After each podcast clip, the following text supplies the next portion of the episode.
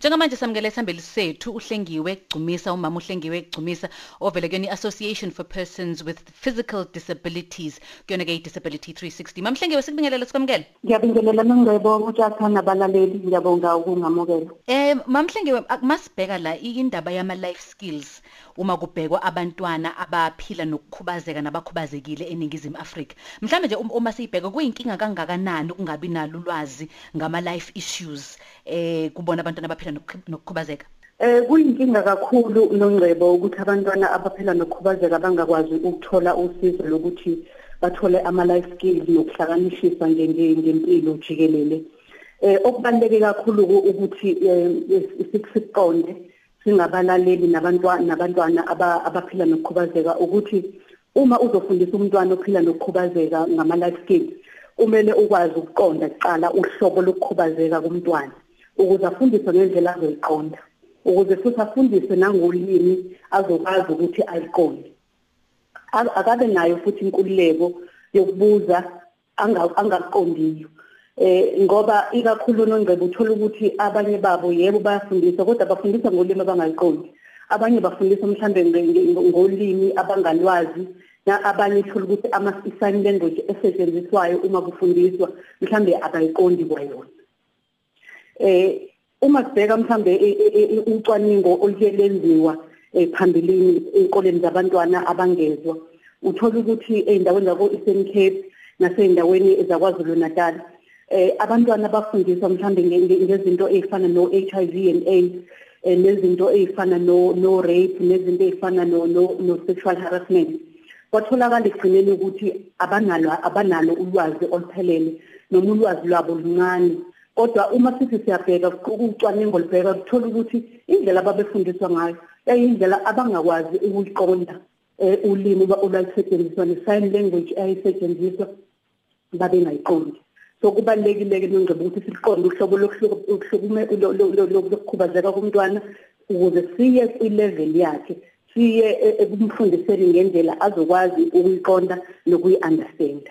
Mm kubonakala sengathi zi- zi- zi- zi- zi- zikhona zinkulu inkinga othisha ababhekana nazo abasuke befundisa izingane esuke yakhubazekile. Mhlawumbe abazali ke eh namalungu nje omphakathi iliphi iqhaza ngalibamba e- ekuthenini mhlawumbe lokhu kulungiseke? Eh abazali nangcebo umuntu umuntu oqala umntwana amthembayo umzali. Umuntu oqala amaziyo ukuthi useduze kwakhe umzali.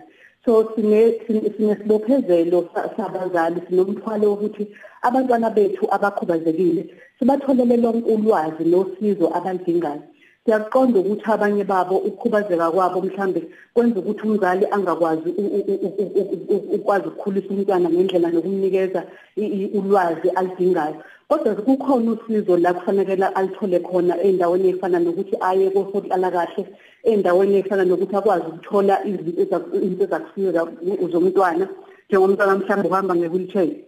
Kungabe ukuthi umntwana usehlala ehleli phansi umntwana uma umzali akwamukele ukuthi hayi umntwana wami ukhubazekile akakwazi ukwenza izinto abe sengasukumi. Kufanele kube ukuthi uyasukuma uthola usizo lokuthi umntwana kufanele amenze njani ukuze akwazi uk- ukukhula akwazi ukumelana ne- ne- ne- ne- ne- nengqinamba zempilo.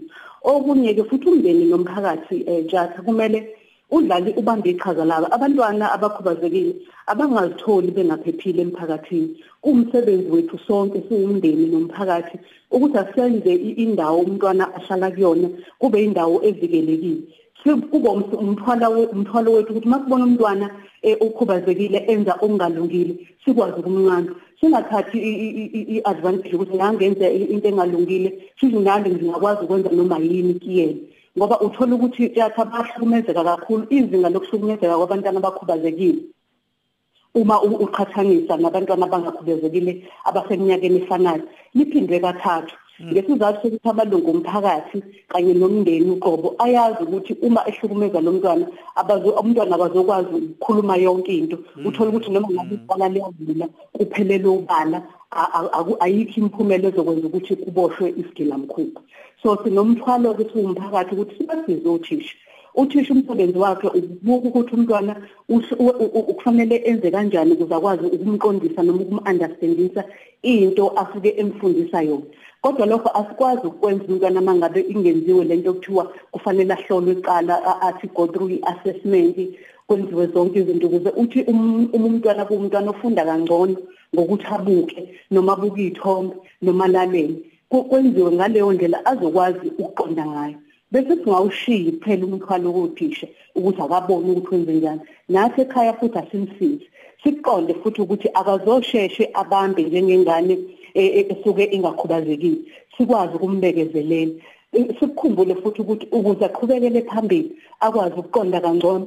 Kudingeka thina sibe u- u- u- isibonelo kuyena sikwazi ukuthi sehlise umoya ngaso sonke isikhathi noma ngabe into uyazama ukuyenza ingaphumeleli sikwazi ukuthi silokhu simncenga kancane kancane siphinde futhi simncome uma ngabe kukuthi khona okuthile okuhle akwenzayo Mm, kuyezwakala mama. Mhlawumbe khona indlela ukuthi umphakathi uxhumane nani mangabe ufisa eh ukubika ukuthize noma ukusizakala ng- ngokuthize eh malana nazo ingane ezikhubazekile.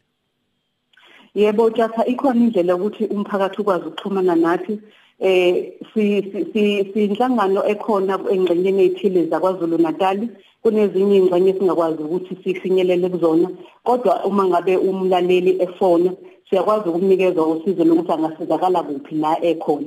So uma ngabe kukhona usizo esilidingayo umlaleli angakwazi ukusifonela kodwa ngenkathi efona achaze ukuthi ukuyiphi indawo ukuze sikwazi ukuthi simxhumanise nomsebenzi sonhlalakahle owenza leyo ndawo.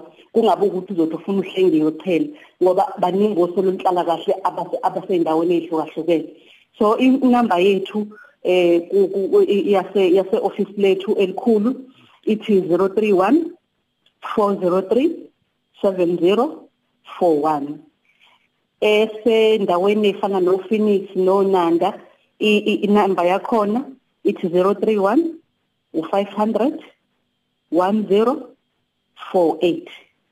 Kanti uma kuwukuthi usendaweni ese- esemgungundlovu u033 390 1189 siyabonga njalo Kulungile masiyabonga kakhulu. Sikufisela usuku oluhle. siyabonga kakhulu siyabonga. Bese idlana indlebekelano mama uhlengiwe Gcumisa we Association for Persons with Physical Disabilities. Besikhuluma naye ngalesi